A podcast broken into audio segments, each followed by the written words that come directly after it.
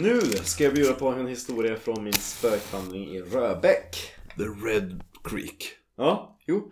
Eh, Så för den oinvigde, vilket är de flesta utav våran uh, lyssnarskara. Inte jag. Jag har gått den. Nej, men jag tänkte, Röbäck är Umeås största och äldsta by. Är största byn också? Ja, Är det? ja. Och dessutom en av de mest välbevarade byarna. Så Holmsund är inte en by, det är ett samhälle då? Jag antar det. Det räknas inte till staden. Nej, nej det, är- det är en egen kommun. Det, blev, det var en kommun ända fram till typ 70 någonting. Ja, Så det var räknas inte till staden. okej. Ja, jo. Nej men jag köper det. Ja, men Röbäck ligger då på den södra sidan utav Umeälven. Några kilometer söderut. Den, Den-. Den fel sidan. Fel sidan är. Ja. Vi bor på rätt sida. Vi bor på rätt Vi sida. bor på rätt sida. Dexter och... Eh, Dexter och... Vad är det? Ja. Vad det heter? Vad heter Dexter och eh, Dexter? Sinister? Dexter och Sinister. Ja, Det är höger och vänster på latin. Jaha! Oj! Ja. Sinister! Är det vänster? Ja. Dexter är höger, Sinister är vänster. Eller Dex, Dexter är no, eller vad heter det? Mm. Norr. Ja, men det Ja, jo, Ja. men så, så Alltså med den högra handen är det Dexter. Så allting som heter någonting med Dexter är alltid den högra sidan. Mm. Ja. Och allting som heter Sinister är... Och det är därför... Det, och det är ganska roligt också just... texten håller på med vänstra grejer. Ja, eller hur? Exakt såhär, såhär Dexter är alltid the right. Mm. The right thing to do. Och the divine thing är alltid, är alltid Ja. högen. Och Sinister är alltid neråt den södra sidan, den vänstra sidan. Och, ja men, ja men Så det är the sinister side. Exakt. Ja, men kul att lära dig någonting. Ja, jo verkligen. Mm. Ehm, men Rörbäck i alla fall har fått sitt namn utav en gammal trefaldighetskälla. Aha. Du vet. Men jag friskar upp ditt minne från den spökvandringen.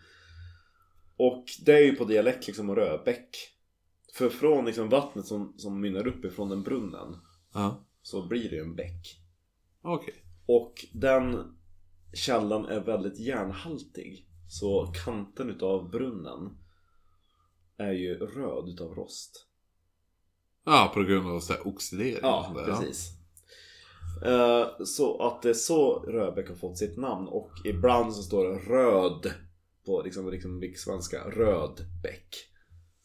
Ja, jo men det är som när man åker buss också. Så bara, den här bussen stannar vid Röbäck. Ja. Så bara, men det heter inte Röbäck, det heter Eller- Röbäck. Eller bara Gamlia. Ja, jo. Man bara, det heter Gamlia. Eller i Narnia, nästa stopp Gamlia och Eller Liljansberget. Liljansberget säger de ju. Man bara, det är Liljansberget. Jo, fast de säger ju Liljansberget. Ja. Jo, men jag säger ju Liljansberget. Ja, Det, det är Liljan. Jo, jag vet, Ja. men, men jag säger Lil, Lilja, Liljansberget. Ja. Jo, ja, skitsamma. Mm. Eh, våran kära rasbiolog eh, Carl von Linné. Ja, han den gamla rasisten. Ja, han besökte ju Röbäck på 1700-talets slut. Det, tror du menar Röbäck? Röbäck. Ja.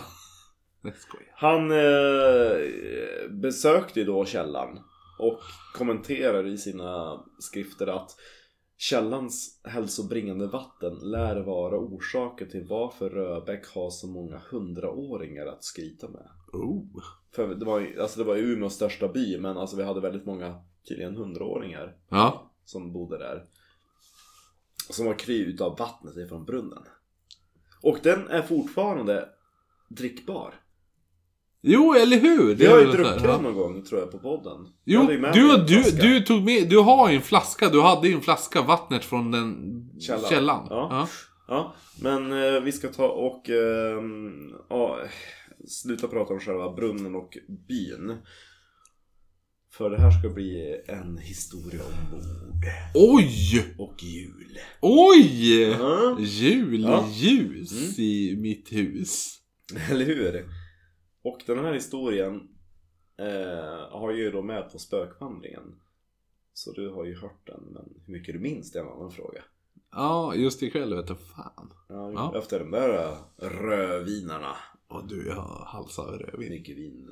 Du, du, Jo, jo, jag vin, visste, att, jag visste att vi skulle prata om en rödbäck så då halsade jag lite rödvin. Mm. Eller hur? De har missuppfattat det. Det var egentligen ett, ett rödvinsdestilleri där. Eller hur? Ja. Men jag ska prata om det som kom att kallas för Röbäcksmordet. Yes. Och det blev faktiskt rikstäckande nyheter. Så det stod ju om eh, nere i eh, Stockholm och Göteborg och Malmö att läsa om i dagstidningarna i slutet av 1800-talet. Men är det här lilla, det här typ skjulet där? Ja. Ja. Så det här utspelar sig då på julaftonen 1898 Oh. i Umeå, i Röbäck. Mm. Så nu ska vi måla upp våra huvudkaraktärer. Det är Klas. Ja, vi har bonden Per Olofsson. Ja, hej, jag pratar typ så här. Ja, han är typ 35 eller någonting, 33, 35 har jag för mig. Hej, ja, men jag pratar ändå så här. Jag har slagit mycket sten i Röbäck då. För det, det är Röbäck också är känd för att de hade bra stenhuggare. Ja, men det är det jag menar. Det är där jag är ifrån. Jag har hållit på med det tidigare. Asbest! Ja, nu kör vi väl med den andra personen då. Ja. Roligast är att det finns en gata i Röbäck som idag heter Stenhuggargränd eller någonting i den stilen. Som förut hette Tattargränd. Nej, hette Jo, den det? ja. Tat- Tattargränd? Jajamän! Men varför ville man byta namn på det? Mm. Varför? Ja. Undrar jag. Ingen som förstår Nej. det. Nej. Men tydligen var det så att det var dit eh, många hemlösa gick för att de fick ett bra mottagande. Så det är kul att veta i alla fall. Att vi var givmilda. Men i alla fall, våran huvudperson Per Olofsson. Ja, 30 plus. ja, Där är, där kring. hej. Ja. Hans hustru Anna Katarina Granberg. Nå. Hon eh, och han hade inte särskilt bra förhållande. Nej, det var det hemskt. Jag förstår inte vad hon menar. Hon, hon jag gör allt jag kan. Ja, men alltså han så, den är så liten. Eller hur? Han hade ju dessutom Det var ingen hemlighet att han var väldigt missnöjd och dryg mot henne. Alltså kan du bara dö så jag kan ta skaff med en ny fru. Han hade varit fysisk mot henne på eh, mer än ett sätt om man ska säga så. Ja, jo. Och när våran historia började då, julaftonen 1898. Så var det så illa att Anna Katarina Granberg inte ens bodde i huset längre. Oj. Så att hon, hon hade sökt skydd hos sin svärmor. Alltså morsan till Per Olofsson. Anna-Greta. Anna-Greta. Ja. Jo.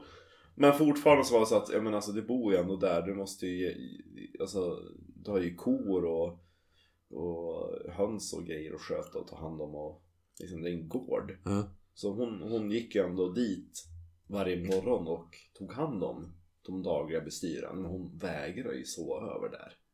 För att hon var ju så våldsam. Ja. Mm. Så då julaftonsmorgonen så gick hon ju då dit för att mjölka korna. Och svärmoren då, morsan till Per Olofsson. Ja. Hon bara, men alltså hon gick ju för ett par timmar sedan, hon borde nog vara tillbaka. Och då gick hon ju dit till laggården. Ja. Och fann då att dörren var låst. Åh nej. Ja, så hon bultade ju på där och så... Sluta knulla! Ja, nej, alltså, den, var ju, den var ju låst från insidan. Ja, exakt. hör- ja. Sluta knulla! Mm, Hon hörde, ja, hon hörde ett stönande där inne också. Åh! Hon sprang då i alla fall på Var det ett stönande eller var det ett rop ett på hjälp? Okej, ja, ja, ja. Ja, och enligt tidningarna. Hon eh, sprang då till, hon hade två söner. Den ena var ju någon, en Per Olofsson. Han hade, en- han Ja. hade en storebror. Så då sprang han, hon till honom och bad om hjälp. Ja. Och då tillsammans så gick de då och lyckades slå in porten till eh, laggården. Kabunk. Mm. Och där då så låg Anna-Katarina Granberg utslagen i båset till hästen. Oh, nej. Knappt vid liv. Hon hade fått liksom hela ansiktet typ så här Bukake? inslaget. Nej, okej. inte, Ja. bu- ja. inte bukake. Nej, inte bukake. Nej. Det var röd bukake. Jaha, men Som att någon hade mensat över ansiktet. Aj! det vill vi inte ha. Nej. Nej, nej, det är hemskt. Det är hemskt. Hon, har, hon, någon hade slagit in skallen på henne. ja, med, Ja. med en påk. Ja. Ja. Alltså... Och Det tänk det, dig tänk dig- tänk- tänk dig Ja. ett, ett, ett, ett stolsben. Eller ett träben. Ja. Och de hittade faktiskt ett ben. Typ en, en påk. Ja. Så Ja! Men vad... Åh, var det den de hade, han hade spikat fast? Eh, en hästsko. Enligt sägnen så, alltså det man vet, där som det står om i källorna, det är att man hittar i laggården på en, en djurfäll en påk Ja. Som var blodig och hade människohår på sig. Men enligt vissa källor så var det en hästsko fastspikad i den Ja, det är det, det, är det jag har hört. För det är det här... Ja, För det, det är så... ja, ja, ja, jo det är det jag berättar. Ja, men Ja. jag måste bara säga att, Mm. att visst, alltså alla hå hå och allt det där. Mm. När man egentligen tänker efter Mm. hur det här, är, det här är ett ganska brutalt mord. Det är lite Jack the Ripper-varning. Och... Det, det, det här mordet är helt sjukt. Ja, Alltså om man tänker, ef- Ja. om man tänker efter. ja, Nu, nu är både du och jag lite onyktra. ja. Och, och, men om Det är man... ett bra mord.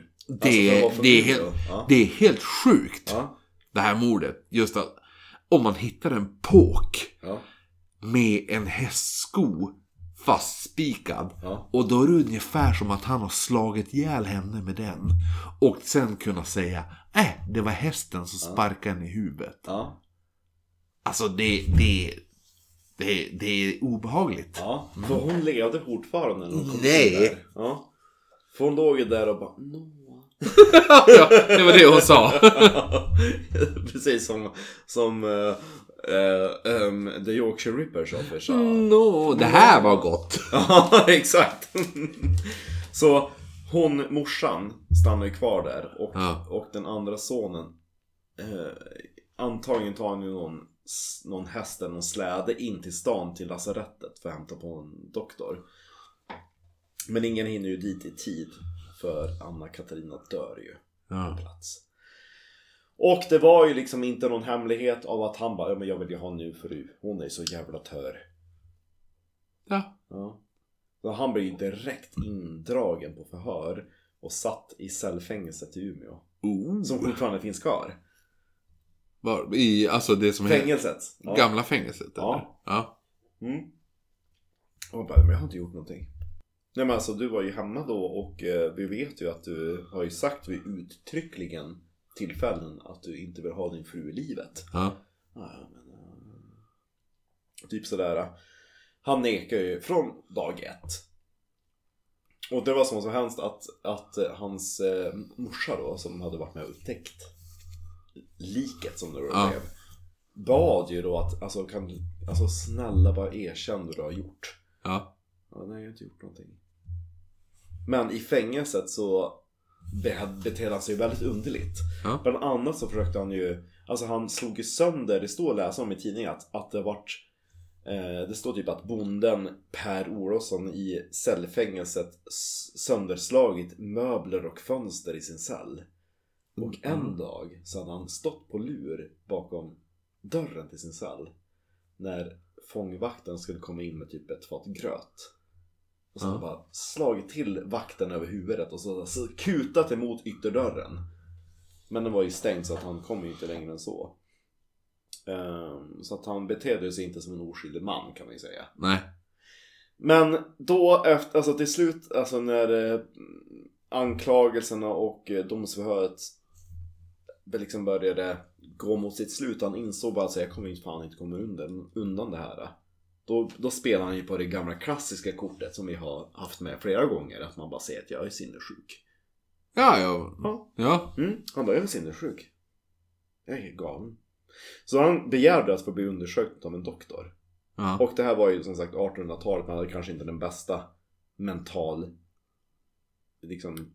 Mentala Förstår. hygienen. Nej, man hade kanske inte så bra förståelse liksom, eller överhuvudtaget verktyg att kunna... De mäter väl typ skallen på han. Ja. Och så bara, "Ah, men han är ju lappe, han, han är ju same. Ja. Han är ju galen han.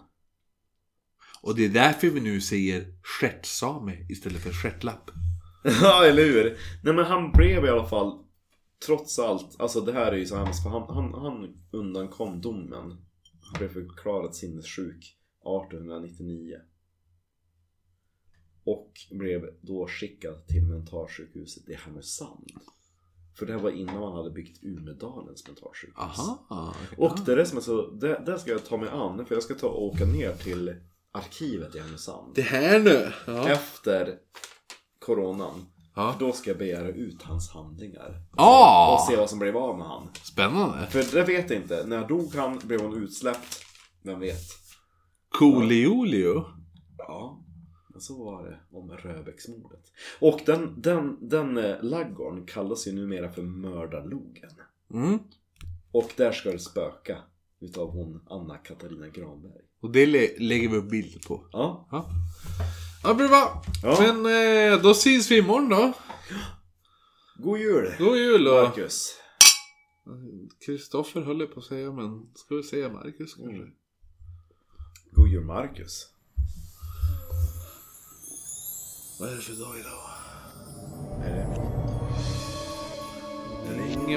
dag